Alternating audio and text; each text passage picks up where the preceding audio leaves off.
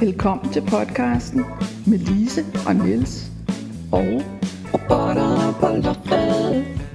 vi skal snakke science fiction noveller. De skal være gode, og de skal være på dansk. Der bliver svinkeærter, og der bliver spoiler alerts. Og måske bliver der også et grin.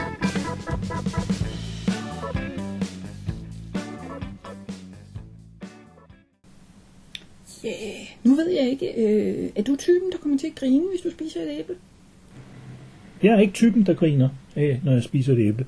Øh, hvad det har med noget at gøre, ved jeg ikke, men vi skal snakke om Jakob Druds novelle Sandsynlighedskrydstogt, der er trygt i antologien af samme navn. Yes. Velkommen til denne eksotiske rejse, hvor jeg, Jabatus Thorn, vil føre jer til jorden, alle brainhacker mantiker. På jeres venstre side ser I Robert von Jones og hans elskede Terry. De er rige, og de keder sig. Jeg håber, de vil synes, den her rejse er spændende. På jeres højre side ser I Anatoly Strapinskov, der som sædvanligt skriver alle oplevelser ned. Velkommen til ham også. PMC Cruises. Vi gør sandsynlighedsrummet til stedet, hvor alt kan ske. Også et besøg til Edens have. Ja. Yeah. ja, nu kan man jo starte med at tage fat i, at i den her historie af Jakob Drud, der står der, at Jakob Drud, han har skrevet en bestseller og er Nobelprisvinder. Ja, det er sjældent folk får Nobelpris for science fiction. Det er sket, men øh, nok ikke som den her bliver beskrevet. Øhm, Jakob Brud er født i 1975 i det virkelige liv, går jeg ud fra, Mm. og har skrevet omkring 35 noveller, de er næsten alle sammen øh, udgivet på engelsk. Øh, så, Åh. så vi kender ikke så nødvendigvis så meget med øh, til ham.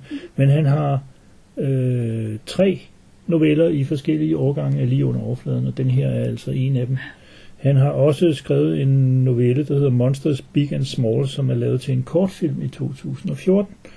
Ja. Øh, jeg har ikke set den, men det var bare de oplysninger, jeg fandt på hans, hans hjemmeside. Så det er, hvad vi har at sige om ham. Ja. Det er ikke, Men han er altså ikke øh, Nobelprisvinder. så er det gået meget stille af. og jeg tvivler på, at han ville få den for en bestsellerroman, der skulle hedde Brainhacker Matiker. øh, og som har en indledende sætning, der lyder Farven på nattehimlen over havnen har en svag lighed med en hjerne, der tænker kedelige tanker. Øh, det er jo klart, øh, hvad det er en hilsen til, lige så vel som, som titlen Brainhacker Matiker øh, er. Øh, og det er også, i hvert fald for mig, giver det meget klare signaler om, at han ikke er Nobelprismateriale. Så Ja. Der er noget med, at Neuromancer, den hed Neuromantiker i på, starten. på dansk. Ja. Ja, det tror jeg, det er noget Det af, af den der. Nå, okay, jeg troede, den, den nyeste oversættelse Nej, nej. hed noget andet. Fint nok. Jeg ved ikke, hvor han har fået brainhacker fra, men, øh, men, men det det vil sige, at vi har fat i et eller andet, hvor en forfatter skriver sig selv ind i historien, øh, og hvor man meget gerne citerer andre forfattere, og laver lidt sjov med det, og jeg ved ikke, er vi, er vi postmoderne? ja, det er en pæn, min pæn måde at sige det på, vil jeg sige. Øh, man, man kan også sige, at, at nu tror jeg roligt, at øh, Jakob Drud kan gå ud fra, at de fleste læsere her i hvert fald kender nok til neuromancer til, mm. til, eller neuromantiker til at kunne gennemskue referencerne. Altså der, det bliver også gjort ret eksplicit, at det er den, der bliver, bliver riffet over her. Øh, og den er ikke så fyldt med andre øh, obskure science fiction referencer. Men, men den, den har jo det der med, at i og med, den, den, de tager på mm, sandsynlighedskrydstogt til, man kan vælge alle mulige sandsynlige verdener, og det er sådan en, en uendelig parallelverdens ting, og så bliver der selvfølgelig lavet turisme ud af det. Så bliver det også lidt meta, fordi den handling ligner meget en forfatters øh, skaben af et univers, og så er det jo, vi er ikke ret tæt langt fra det der med, at en forfatters personer begynder at diskutere med forfatteren. Altså, øh, Drud har så skrevet yderligere en forfatter ind øh, som en mellemled for, at man ikke skal falde i søvn undervejs. Og, og, øh, det er, det er, han har en bemærkning om, at denne verden flimrer læse en bog i stedet for. Det, det er øh, et godt råd. Jeg tror, det er ham der, øh, Strapinskov, der siger det på et tidspunkt. Øh, der er gjort et stort, en, en betragtelig indsats for at gøre det her så, så øh, komplekst og forvirrende for læseren som muligt. Og det er jo, øh, det er jo et, et velprøvet litterært øh, greb, eller litterær pointe, om man så må sige. Det her er fiktion, og vi er alle sammen fiktive, og vi fortæller alle sammen hinanden, og hvis der er nogen, der fortæller noget andet, så går der råd i det, og hvad der ellers findes af varianter af det her. Ikke? Øh, på den måde er den jo ikke, den jo ikke sprit original, men, men, men den tager den laver en lidt morsom version af det, og øh, så øh, fordi ja, jeg ved ikke, hvor langt vi skal ind i det her med, på det her tidspunkt, men det foregår altså i det, man ville kalde et multivers. Ja. Og det kender vi jo fra, fra masser af science fiction og fantasy. Øh, Ja, der er noget med det. Der, der er et eller andet med, at øh, den der version, der hedder, øh, hver gang der er nogen, der træffer et valg, så opstår der af et univers to. Og i det ene univers træf men det ene valg, og i det andet træf men det andet. Ja. Men det der med, at man kunne hoppe mellem, jeg tror bare, man kaldte det dimensioner førhen. Ja. Altså, man kunne hoppe over i andre versioner af Ja. universet. Det er nemlig før, før kvantemekanikken blev, blev populariseret, og man fik mange verdens tolkninger af den, så snakkede man bare om dimensioner. Mm. Øh, og man behøvede som ikke at have en særlig god forklaring på det. Øh, risikoen ved det set fra, fra en sådan lidt genrepuristisk synsvinkel er jo selvfølgelig at en del af de øh, parallelverdenshistorier eller dimensionsrejsehistorier, der blev skrevet fra 40'erne og frem, de øh, er betænkeligt tæt på fantasy. Øh, Mhm. Fordi hvis der ikke er nogen regler, øh, at, altså jeg, jeg blev meget skuffet, da jeg læste en af, nu har jeg glemt titlen, øh, men, men det var Keith Lormer, der havde skrevet noget. Han skrev nogle... Øh, kan ikke huske. Der er en, han skrev en række af de der parallelverdensbøger, ikke? Mm. Men jeg læste en roman af den der af dem, og det handlede bare om, at han var på et fantasy-eventyr. Det var bare i en parallelverden, så han, det blev kaldt science fiction. Ikke? Uh, han skulle ud og, og kæmpe mod nogle ridder eller et eller andet Mm. mm. voldeligt. Middelalderligt. Ja, tror jeg nok. Tror jeg Ja. nok. Øhm, så, så problemet var lidt med den der dimensionsidé, at anything goes, og Ja. når, når anything goes, så er, det, så er det ikke særlig interessant, fordi der skal være, der skal være nogle, øh, nogle øh, øh, regler, eller noget, noget, der spænder ben for, for forfatteren, eller noget, som forfatteren skal skrive udenom, eller et eller andet, før at, at man kan mærke, at der er engagement i det. Ikke? Altså hvis alting kan lade sig gøre, så er det, mere, det meste ligegyldigt. Øh, og her er der jo et sæt, regler, altså de, de er, øh, man skal som læser finde ud af dem undervejs, men der er jo implicit et sæt regler for, hvordan det her foregår. Ikke? Og, og, og, og, og han gør jo det der med, eftersom der er uendelig mange verdener, er der også uendelig mange krydstogsskibe. Øh, Ja. så, så der får man som Ja. turistbranche Ja. et problem, fordi hvis alle kan rejse i, i sandsynlighederne, og, og, og de spændende verdener, de er jo så overfyldt med turister, der kommer sejlende for at se dem. Ikke? Øh, så er man nødt til at finde de næstbedste, eller tredje bedste, Mhm. eller femte bedste, og så bliver det altså noget discount noget. Når man så har en dårlig turguide med, som de har på den her, øh, så, så, så kan man godt forstå, at der er nogen, der synes, det er kedeligt. Nogle af deltagerne. Ja. Og det, man får jo at vide implicit i hvert fald, at det ikke er noget for fattig røv det her. Så, så man har vel en forventning om, at man bliver underholdt, øh, når man giver, hvad, hvad det nu er for mange Ja. ja. som Ja. man skal betale for det. Så Det er de rige, der ja, går rundt og det er helt klart. Er med på sådan en tur her. Mm. Øhm, vi får jo ret tidligt at vide, at Strapinskov ikke... Altså, noget af det første, vi får at vide, det er, at det er ham, der kan justere filtret, sådan, så man havner på den rigtige verden. Altså, man, skal, man kan havne på klit, og man kan havne på en af de der næsten klit, øh, og så videre. Og det kræver en specialist øh, øh, for at kunne justere det der filter. Øh, og det er Strapinskov, det er, det hans, er hans job. Men vi finder ret hurtigt ud af, at der er lidt mere i det, så, end som så. Hvis han skriver noget, så sker det simpelthen. Altså, han skaber simpelthen den her virkelighed. Eller hvad? Ja, det kommer man jo i lidt i tvivl om indimellem. Ikke? Altså, jeg kan egentlig godt lide ideen om, om et fartøj, det vil være så sådan stort set øh, hvilken som helst regi, men et fartøj, hvor, hvor styrmanden er en forfatter. øh, jo, men det er klart, det tiltaler jo alle læsere og, og forfattere, det her, fordi det er det, altså, skriv om, hvad de vil, hvad du ved noget om, siger Ja. de jo ikke, så derfor er der så mange forfattere, der skriver om forfattere. Altså, det, det er, øh, og, og meget af det kan være ganske fornøjeligt, ikke? Og det her, det er så en slags, øh, hvad kan man sige, narrativ motor, der, der øh, man får at vide et eller andet sted med, at han er koblet direkte på, på det der filter, Ja. øh, sådan så at han ikke bare sidder og tager notater om, hvad de kommer ud for, men at han faktisk styrer det. Ja, ja. Øh, Han er lukket på på en eller anden måde. Ja, øh, og det er jo, øh, altså, jeg tror, jeg har, jeg, jeg, jeg ved ikke, jeg har set film og læst historier og sådan noget om, hvor folk de sidder og siger, ja, nu skriver jeg dig bare ud af historien, ikke? og puff, Ja. så er folk væk og sådan noget. Og det, det er jo meget fornøjeligt, men, og, men det bliver meget hurtigt sådan metalitterært, ikke? Og, og, og, øh, og, og øh, det er jo, det er jo den, det er den gryde, vi så, så, supper rundt i her i meget høj grad. Øh, ellers så kan man sige jo, at persongalleriet er jo sådan stort set fra utallige mange øh, historier om folk, der tager på krydstogter, eller safarier, eller øh, øh selskabsrejser, som det hed før i tiden, den slags ting, at der er et vist, et vist udvalg af folk, der står som udgangspunkt i et vist forhold til hinanden, og det kan så skabe nogle gnidninger, eller man kan lære noget om dem undervejs, eller sådan noget. Ikke? Altså det er mikrokosmos, kan det hurtigt blive sådan en, en, en rejsefortælling, Ja. øh, et selskabsrejse, som i tiden. Ikke? Altså, jeg synes, Robert er en interessant type. Ham der, der sådan øh, flørter og flagrer, og, og en dag ovenikød besøger nabokahytten i stedet for sin egen, Mm-hmm. øh, selvom han har sin kæreste med. Ja, det. Øhm, men det er jo noget, man gør i de kredse. Bortset fra, at hun bliver sur. Altså. Ja, det er jo så det. Man skal have aftalt sådan noget på forhånd. Ja. Øh, men, men det er en sjov type. Altså, altså når, når nu man har ligesom slået fast, okay, det her det er nogle rige mennesker.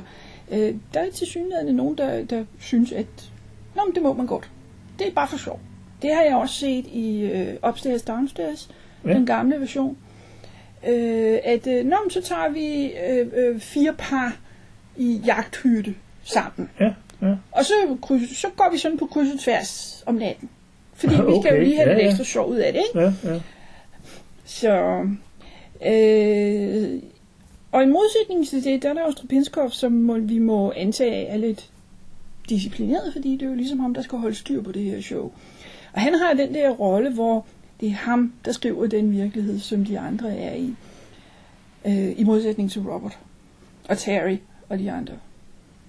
Ja, men der sker jo også det, at han bliver slået ihjel, eller bliver slået bevidstløs, eller Ja. noget andet, sådan så at Ja. de får stå og sige, nu er vi faret vild, Ja. fordi hvordan kommer vi hjem igen, når vi ikke har en til at sidde og skrive det Mhm. her, ikke? Øh, så det, det er sådan lidt mærkeligt, at, at det til synligheden er et job, som man ikke kan sætte en anden til.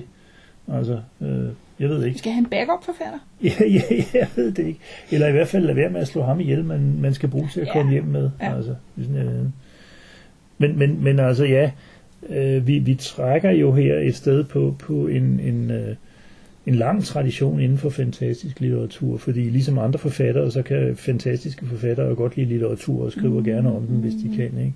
Så, så øh, der er der er masser af historier, især inden for fantasy, om at, at man bliver suget ind i en bog og kommer til at opleve det, der, det, der står i bogen. Ja. Altså.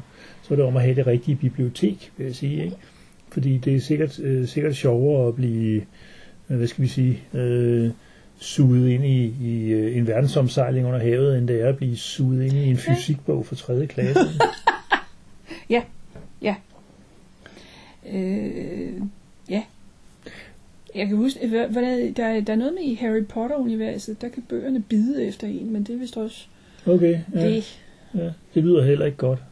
Nej, men det, de kan Men hvis det er nogle af dem, man ikke må læse, så, så Ja. er det fint nok, fordi øh, det, det, jeg synes, det er værre, hvis man er kommet tre kapitler ind i en god roman, og den så, så Ja. chomper. Men, Ja. ja. Anyway, men, men, men man kan jo sige, at, at, øh, at der, der er lidt forskel, fordi det vi har her er jo ligesom, at det er forfatteren, der skriver noget, og så bliver det til øh, Ja. ordet virkelighed i den her sammenhæng er lidt belastet, men så, Ja. så kommer det til at ske, ikke? Ja. Altså, øh, at, at de, de navigerer ved, at han skriver, at nu kommer de til en planet, hvor der er sådan et eller andet, ikke? og så, så, så gør de det. Øh, og det er den ene variation. Ikke? Den anden, det er den der med, at, at, øh, at man altså bliver suget ind i en, i en i princippet allerede eksisterende bog. Her er det ligesom forfatteren, der har magten, øh, Ja. og det, der bliver skrevet her, er virkelighed. Og det har jo også en, sin tradition inden for Mm. fantastisk litteratur. Øh, vi, har, vi har øh, snakket om det og Ja. fundet nogle titler frem. Ja. Jeg ved ikke, hvad vi skal starte med. Det, men, jeg, jeg tror, vi skal starte med den her, den med, med øh, meteoren. Ja, den hedder bag nyhederne er skrevet af Jack Finney og står på dansk i den samling af Jack Finney, der hedder Tidens Ur, som kom på Vendelkær i 1972, så den har man selvfølgelig stået. Øhm, og den, øh, hvis det er den, jeg husker rigtigt, så, så handler det om, at der lander et meteor, øh, og da det er metal, øh, så ham, der finder det, han tager det med, fordi han arbejder på en avis, og på det tidspunkt bruger man en linotype-maskine, som simpelthen smelter, har smeltet metal, og støber typerne hver gang de skal bruges, så de er friske og skarpe i modsætning til tidligere avisteknologi, hvor man genbrugte typerne, og de derfor blev mere og mere slidte. Her der, der støber man linjerne en af gangen med, med, med frisk smeltet øh, bly. Ja. Øh. Mm. Det der så er, sker, er, at fordi det er et meteor ude fra rummet, så har det nogle egenskaber, som, som den her øh, redaktør ikke har forudset. Nemlig, at det, der bliver trykt i avisen, det kommer også til at ske. Øh, og da han først finder ud af det, så øh, går det jo galt altså. Øh, jeg kan ikke huske detaljerne, men jeg kan bare huske, mm. jeg kan, det er sådan en af de der historier, man bliver ved med at have i baghovedet. Sådan noget, det løber altid fra folk. Det gør det nemlig. Der er altid en moral i Ja. det. Der, der er altid øh, en, en, en eller anden regel om, at man skal... Altså, det er ikke sådan kone i muddergrøften-agtigt, mm. at du skal ikke... øh, Du skal, du skal vide, hvor, hvordan du skal dosere det her, ikke? Altså, øh, Mm. så, men, men den husker jeg stadigvæk, selvom jeg havde Ja. fortrængt, at det var Jack Finney faktisk, fordi jeg forbinder den med Frederick Brown, som er en forfatter, der meget mere ville skrive sådan noget inde i mit hoved. Han har også skrevet et par stykker. Ja. Øh, altså, jeg kender et par stykker. Der er en, der hedder... Jeg tror ikke, man skal prøve på at sige det her. E E-T-A-O-I-N-S-H-R-D-L-U. Og er skrevet af Frederick Brown. Frederick Brown. Og den anden hedder We Print the Truth, og den er af Boucher. Anthony Boucher. af Anthony Boucher. Øh, de handler begge to også om trykkere, altså små aviser. Øh, men det er bare tryllemetoden. Altså den ene, det er noget med, at der er en, der får et ønske, og så ønsker han, at avisen altid skal trykke sandheden. Øh, den anden, det er noget med, at der er en, der sørger for, at der er en bestemt artikel, der bliver trykt i avisen, og fordi den artikel har været igennem øh, øh, øh, printeren, pressen, øh, trykken, øh, det svarer til at kaste et spil, en trylleformular. Aha, okay. Og derfra frem så trykker avisen ja. sandheden. Og jeg kender til de her historier, fordi det er noget med den ene fra i 42, og den anden fra 43. Og jeg kender de her historier, fordi øh, jeg har læst... Øh, dels så har jeg læst historier til Retro Hugoen, der er jo 75 år bagefter. Øh, og dels så har jeg bare læst nogle noveller fra 1943 for at finde ud af, hvad de gik rundt og lavede dengang. Så, øh, Så jeg kan måske sige, at den der, du ikke vil udtale, som hvis man skal udtale den nok, ville hedde Etaoinskru, ja. det er, øh, det er øh, den, den serie taster, man trykker på for at tjekke, at sådan en linotype har, har alle bogstaverne. Øh, okay. eller, der er mange af bogstaverne, der er i, i den sætning. Mm. Øh, det er ligesom, der er en eller anden med øh, Lazy Brown, Fox, Ja. Over, Mm. et eller andet. Ikke? Ja. Og det her, det er simpelthen øh, en start, start ting, man gør, når man fyrer op under en af de der gamle linotypes, som der ikke er nogen, der bruger mere. Så det, det er derfor, Frederick Brown har taget den. Så, Mm, der er en forklaring Yes. for alting.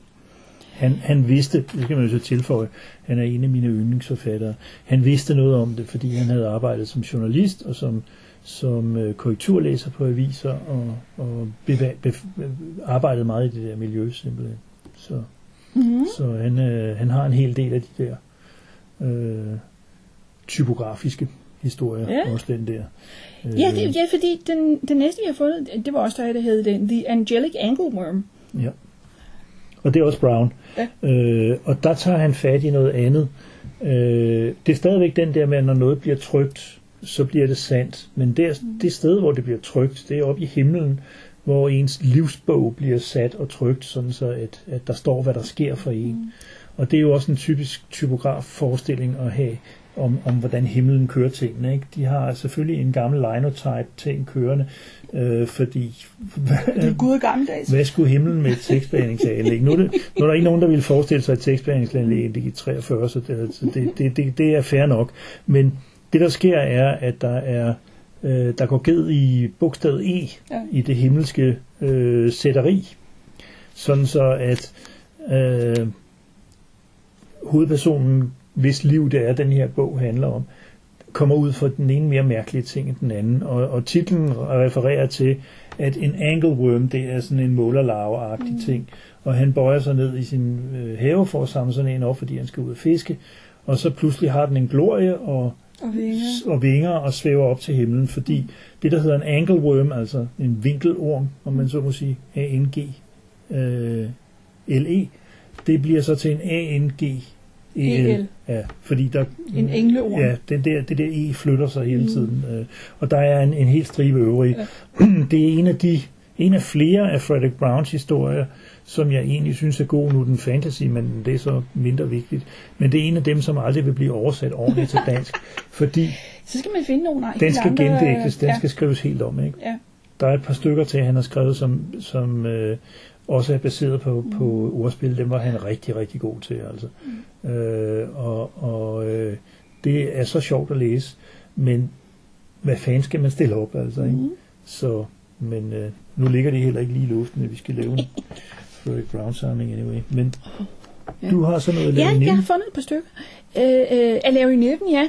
Øh, den ene, den har fat i lidt begge dele af det, der foregår her. Altså både det her med multiverset, og det her med, at man skriver sin virkelighed.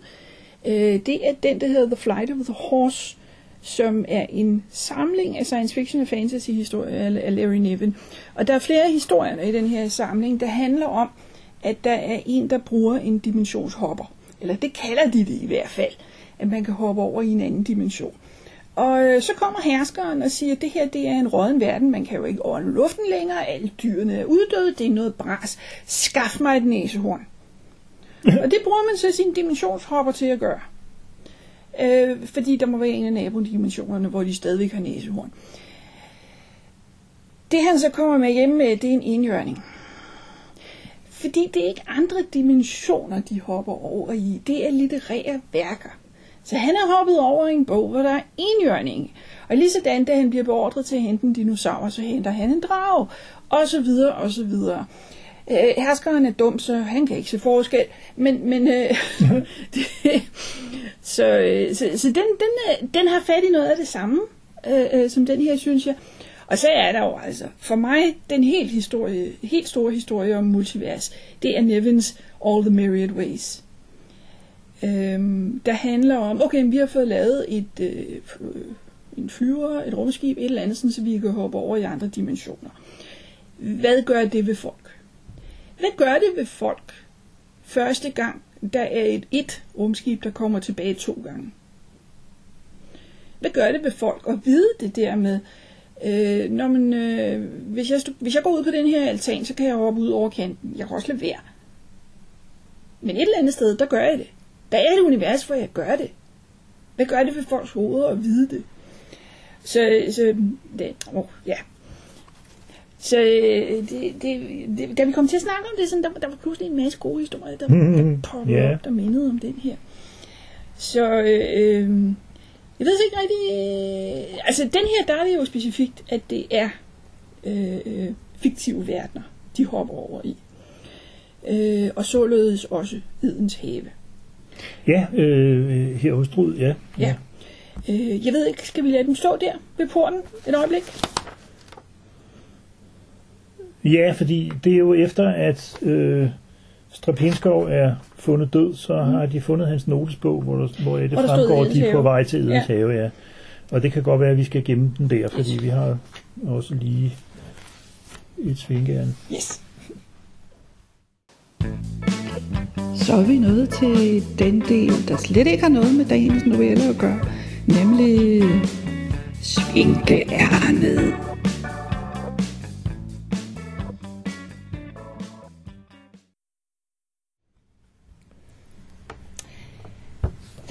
Set seks Terminator-film. Mere eller mindre. Jeg må indrømme, der var et par stykker af dem, jeg ikke lige kunne finde streaming nogen steder. Øh, det er også okay, jeg har set dem før. Yeah. Så jeg så nogle klip fra dem på YouTube, og så var det nok. Men øh, jeg har i hvert fald set fire Terminator-film, og de, mm, den ene, den var helt ny. Øh, Dark Fate, den havde jeg ikke set før. der er noget sjovt ved Terminator. Udover at det selvfølgelig handler om tidsrejser, og vi kan ikke lide vores øh, samtid, så vi rejser tilbage og fikser fortiden, sådan så vi også kan fikse vores tid, og, og paradoxer, og, og alt det der. Og vi kan godt lide Arnold Schwarzenegger, sådan så han er godt nok en bad guy i den første, men han er en good guy derefter, og det, det er selvfølgelig også, altså, ja, det er science fiction det her, og, og det skal det være. Det sjove, det er at se filmene så tæt på hinanden, sådan så man ser alle de der ting, der hører til en Terminator-film. Schwarzenegger skal sige, jeg kommer tilbage. Mhm. Eller variationer over det. Han skal, der, der er faktisk den sidste, der siger, han, jeg kommer ikke tilbage. Så, yay. Øh, der skal være en robot, der tramper på et kranie. Øh, øh, der skal være en, der læner sig ud af en bil og siger, hop ind, hvis du vil overleve. Og, og alt det her. Det, det er godt nok... Jeg ved ikke, om det er, fordi jeg ikke kender franchiset i forvejen, men jeg synes godt nok, det er tydeligt, at der er sådan en helt, helt lille liste med ting, der bare skal være. Der skal være en af af robotterne, der på et tidspunkt øh, taler med en andens stemme, og så er der en, der falder i vandet, og tror, at det er den anden Okay. og så drejer hun rundt om hjørnet, så du er jo ikke, du er en Terminator, er sådan? og, og, og, og, og så overlever jeg alligevel selvfølgelig. Øhm, det skal jeg også helst være en gang i det her film. Så øhm, det er en lidt sjovt franchise på den måde. Jeg må indrømme, at jeg kan bedre lide dem, hvor der ikke er, ikke er så meget slåskamp. Altså, Mm. øh, nu kan jeg jo ikke engang huske, hvad firen hedder. Øh, den foregår faktisk efter, øh, at krigen er gået i gang.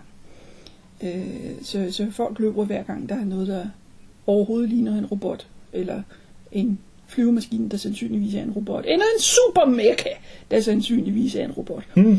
Det lyder Øh, øh, så så mm, den var jeg ikke så. Det, det, den, den er ikke så vigtig for mig. Jeg kunne bedre lide øh, øh, Genesis, øh, fordi der er faktisk meget handling. Altså, de, de snakker faktisk.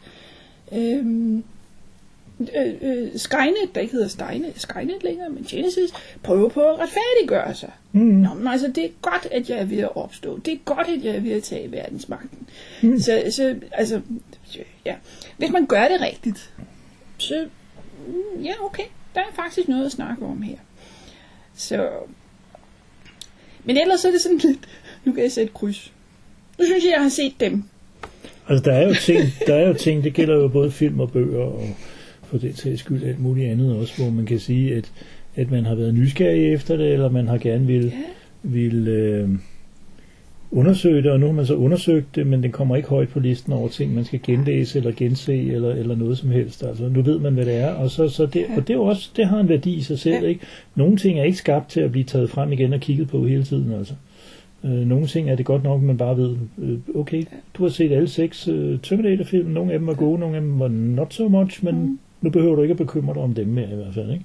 Og du ved, hvad, hvad andre snakker om, når de refererer Ja. til dem. Ikke? Jeg vil så også sige, at den første, den holder faktisk overraskende godt. Det, det, det, der har de altså. Øh, blandt andet fordi den bliver meget vigtig, den her kærlighedshistorie mellem Sarah Connor øh, og, og øh, den mand, der viser sig at blive hendes søns far. Øh, den historie holder faktisk. At, at øh, mens man bliver jagtet af morderiske robotter, og jeg ved ikke hvad, så lærer man også hinanden at kende Mm-hmm. ret hurtigt.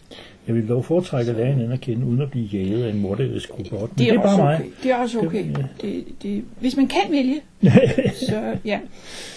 Øh, øhm, så, men ellers så det det, altså det er jo et af de store franchises. Er det, er det ligesom blevet? Øh, og selvom man har en, en, en fornemmelse af, okay, det her det er jo virkelig nogle film, der bare fortæller den samme historie hver gang. Mm-hmm. Men ligger starter- det ikke i, i den slags serier? altså?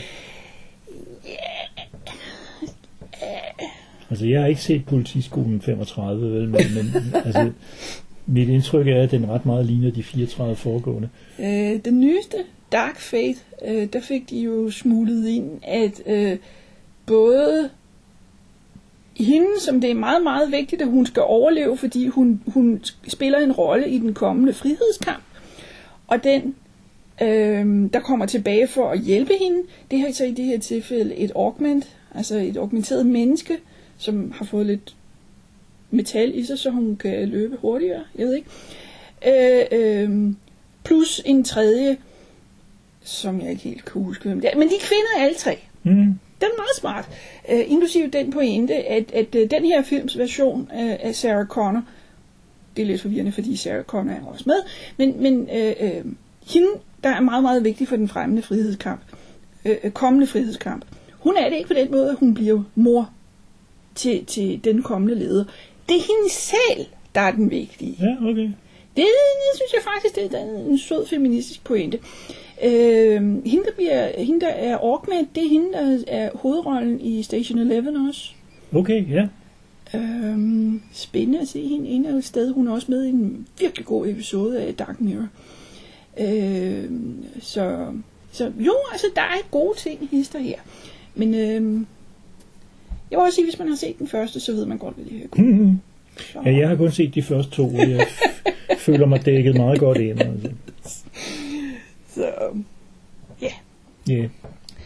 Og så skal jeg huske at sige, at næste gang skal vi have Beautiful Budapest af A. Silvestri.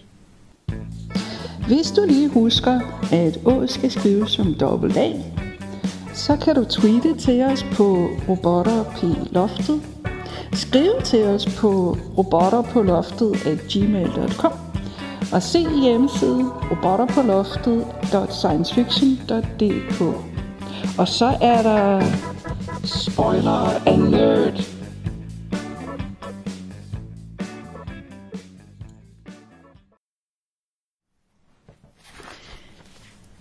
Den døde Strapinskov er slet ikke død alligevel. Oveni har han forbløffende meget magt over tingenes gang. Den lykkelige slutning for Robert og Terry går præcis, som han foreskriver. Og som Terry bestilte. Faktisk, hvem er det egentlig, der bestemmer? Findes der overhovedet fri vilje? Ja, det øh, har øh, kaptajnen og Strapinskov en længere diskussion om, Ja, øh, efter man har fået at vide, at, at han har arbejdet på bestilling fra Robert. Øh, eller Terry. Robert. Ja, Terry, ja. Terry har betalt Strapinskov for at opdrage Robert. Ja. Robert. Øh, og så får man selvfølgelig den der diskussion af alting fiktioner, og har vi en fri vilje. mm. Og øh, det er jo så dejligt svært at besvare. så, så der er plads til mange historier af den slags endnu fremover. ja. Men, men øh, det virker meget som om, at alting her er fiktion. Det er svært at finde et niveau. Altså, de ankommer til Edens have og får en kedelig rundvisning. Fordi, ja her er så Ja. æblerne. ja, noget af den stil, ikke? Øh, og Terje vil hjem. øhm, Ja. Men de har jo til synligheden svært ved at finde ud af, hvordan de skal dirigere skibet væk. Og så må man jo også sige, jamen Edens have, er det bare en af mange, uendelig mange Edens haver? Øh, Ja. altså, hvad, hvad, hvad status har den? Fordi Ja. nu, nu er det jo, nu er det jo øh, fiktionsverdener, de rejser Mhm. til. Ikke? Altså de rejser til, de rejser til, øh, til Dune og, og, og sådan nogle ting. Ja. Så, så det er måske en fiktionsudgave af Edens øh, have, de, de I rejser til. modsætning til... Den rigtige Edens have. Wow. Ja. Ja. You just blew my mind. Altså, okay. jeg ved ikke, hvad ham der øh, øh, Strapinskov har af, af kontakter rundt omkring. Mm. Altså, jeg har taget det på det. Nå, men altså, jeg mener da, vi får at vide, at alting, det er, det er altid fiktive verdener, Ja, ja. de hopper til. Og der har jeg taget det på det niveau. Bibelen er også bare en bog, Mm, ja, ja. så den kan man også rejse ind i. Nu er der jo sikkert mange forskellige fiktive beskrivelser af Edens have, Mm. tænker jeg. Øh, plus at man får jo at vide hele tiden, du kan også komme til den dune, der er sådan en Ja. lille bit smule ved siden Ja. af, øh, den Herbert skrev. Ja. Og, og så må du også kunne komme til en Edens have, der er lidt anderledes. Men I don't know. Øh, men men øh, de får en kedelig rundvisning, hvilket ikke gør stedet mindre kedeligt. Så, så der, der er sådan lidt et problem der. Men de er til synligheden strandet. Det er sådan lidt svært øh, at, at se, hvordan, selvom øh, Strapinskov jo ikke er død alligevel, så, så øh, er det lidt svært at se, hvordan de, de kommer videre. Det er også lidt svært at koncentrere sig om en rundvisning, hvis man er bange for, at man ikke kan komme hjem. Ja. Øh, ja. Øh, ja. Altså, jeg, jeg, jeg får i hvert fald den der fornemmelse af, at den slutter. Altså, altså alting er frit svævende, alting er fiktion. Mm. Øh, øh, er, er Strapinskog og Robert også bare nogen, der er opfundet, og, og, og det er de jo, for det er en novelle. Så Jo, men der har vi igen det her niveau. Ikke? Der er det yderste niveau, niveau uden for novellen, hvor der, hvor der er en, en, en formodentlig faktisk eksisterende person, der hedder Jakob Trud. Ikke? Så er der den Jakob Trud, der ligesom fremgår af teksten, uanset om han er nævnt med navn, øh, som, som er den indskrevne forfatter, som man siger. Ikke? Og så er der så også øh, øh, henvisninger til, at de har været nede og kigge på, på, øh, på den der øh, øh, cyberpunk-verden fra, fra Jakob Druds bestseller-roman, ikke? som jo må være en bestseller i en anden verden end den, vi kender mm. i hvert fald. Ikke? Fordi vi har aldrig hørt om det. Øh, så, så man kan godt... altså, den er, det er jo postmoderne på den måde, at det er, det er hvad man kan sige, et bundløst sæt af... At du ved aldrig, hvornår du har fast grund under fødderne. Hvor har vi et kvalificeret standpunkt, hvor udefra vi kan udtale os om de fiktive niveauer i resten af historien. Øh, og det synes man var enormt morsomt der i 80'erne. Men, men, øh, Øh, Ubik? Ubik, ja, eller Ubik, ja, af Frederick, hvad, Philip K. Dick. Øh, den laver jo det nummer også, den er så fra 60'erne, men, men den handler jo også om, altså som mange af Dicks historier, handler den jo om det der med virkelighedsniveauer, og hvornår er det en hallucination, og hvornår er man i den virkelige, virkelige verden, og sådan noget. Forskellen på den der og flere andre af hans historier er, at du ikke ender med et fast sted. Du ender ikke med, med øh, fast grund under fødderne, det vil sige, at det i princippet kan fortsætte i det uendelige. Øh, en modeksempel, øh, som, som også er et Dick, øh, som kom i øh, hvad, 58 et eller andet, nu har jeg pludselig glemt titlen, det er øh, den kom på dansk i Vendelkærs serie. Øh, der foregår det ved, at, at der er en gruppe besøgende ved et atomkraftværk, et eksperimentelt atomkraftværk, som, som øh, kommer ud for en ulykke. Mm. Og så havner de i en af dem, øh, en af personernes bevidsthed, og så skal de finde ud af at komme ud af den, og så hopper de over til den næste. Og det er først, når de har været igennem dem alle syv, de så hopper, hopper, ud, hopper ud igen. Øjet på himlen Åh. hedder den, Eye in the Sky. Okay. Men i modsætning til Ubik, så er der et yderste niveau, som er Ja, ja, det niveau, ja. hvor de får det, de kommer, kommer ud for det der uheld, og de kommer tilbage til den verden igen. Mm. Forbedrede, eller i hvert fald forandrede mennesker, altså fordi øh, de har lært lidt om, hvordan hinanden ser ud inde i hovedet. Der er blandt andet en, der er fundamental religiøs, fundamentalistisk religiøs, mm. og hendes verden er det ikke specielt sjov at rende rundt i. For de Øh, andre. For de andre, nej. Mm. Øh, og sådan nogle ting, ikke? Øh, men den kan man godt sætte op som modsætning til, til Ubik, fordi øh, Ubik har ikke det der Mm. øh, kvalificerede yderste eller øverste niveau, hvorfra man kan udsige noget om, om, om alle de andre. Den, den fortsætter med øh, bundløs Ja, ironi, ja. eller bundløs metafiktion, eller hvad man vil Ja. kalde det, som Altså- kan være anstrengende. Ja, ja, det var det, jeg vil sige. Jeg har prøvet at læse sådan en historie, og når jeg så læste den færdig, så fik jeg hovedpine, fordi... Mhm. Jamen, hvad foregik der så? Altså, du skal fortælle mig, hvordan det her hænger sammen. Nu kan jeg jo ikke sove længere. Jeg har altså måttet noget til noget meget pragmatisk med, at øh, når den næste sidste linje i en historie er, og det var sådan, det hang sammen, og så den sidste linje er, men det var det ikke alligevel, Ja. så siger jeg, okay, det her det er altså bare forfatteren, der, der kører med mig. Mm. Jeg lader altså, som om jeg ikke har læst den sidste linje, fordi det, jeg, jeg, jeg vil ikke. Men det er jo mit behov for, at ting skal gå op. Så... Øhm, tror du, vi er fiktion? Jeg kan godt have på fornemmelsen en gang, men, men, men øh, nej, men altså, man kan sige, at, at det man kan det man kan bruge sådan noget som, som digt til, også ud fra den periode, han skrev i, er, er ud over de der filosofiske diskussioner om, om hvorvidt vi eksisterer og eller har en fri vilje, eller begge dele eventuelt. Øh, det er så også en diskussion om, hvordan andre prøver at påvirke vores virkelighedsopfattelse. Det vil sige, altså hvordan vi bliver manipuleret med. Mm. Og det er jo nok så, så virkeligt. Nå ja. Øh, altså Ja. reklamer og politikere og alt muligt. Ikke? Men det er jo det, der bliver til konspirationsteorier. Så. Altså, man kan, man kan ikke stole på nogen. Ja, altså ja og nej. Altså det kommer jo an på, hvor altomfattende det er, Mm. ikke? Øh, men, men at man bliver manipuleret, synes jeg nok, man kan, man kan... Man behøver ikke at være en sølvpapirshat for at opdage, at nogle politikere taler ikke sandt, hver gang de siger noget, vel? Altså, Øh, der er, der er en, en bred, meget bred vifte, eller meget bredt spektrum fra den ene yderlighed til den anden, hvor den ene yderlighed er, at man tror blindt på enhver autoritet, og den anden yderlighed er, at man, man bliver sølvpapirhat. Ikke? Og, og øh, jeg synes også, det bliver for nemt for autoriteterne og for magthaverne at, at sige, hvis der er nogen som helst, der, der kommer med nogen som helst indvending, at du er bare konspirationsteoretiker. Ikke? Fordi nogle gange har det jo faktisk vist sig, at nogle af den, noget af den politiske kritik, der er kommet, Ja. øh, faktisk har vist sig at være rigtig. Ikke? Ja. Så, så jeg synes, det er, det er ikke et forsvar for sølvpapirhattene, men det er et forsvar for, at man ikke enten blindt tror på alting, eller blindt afviser alting, men faktisk prøver at bevare sin kritiske sans. I det, man husker, at det kommer af et græskord, som betyder at skælne. Så, Altså, jeg har jo blandt andet Herlufsholm i, i hovedet i øjeblikket. Ja. Jeg har også Free Mile Island.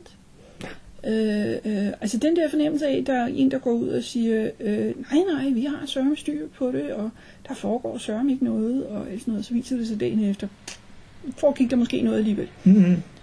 Så, Ja, og det sjove ved det er, at det er jo en forstemmende, forstemmende gentagelse, ikke? Altså øh, Fukushima, eller hvad den fanden nu vil udtale det, Fukushima, eller hvad, mm. øh, de lavede jo det samme nummer, ikke? ja, ja. Benægt, benægt, Det, har, benægt. det gjorde de tre. Det gør Tjerno- Tjernobyl også. Ja, det, øh, det er en fuldstændig fast del af manualen. Hvorfor vores køer selvlysende? Det er de ikke. Nej, det er noget, du drømmer. Ja.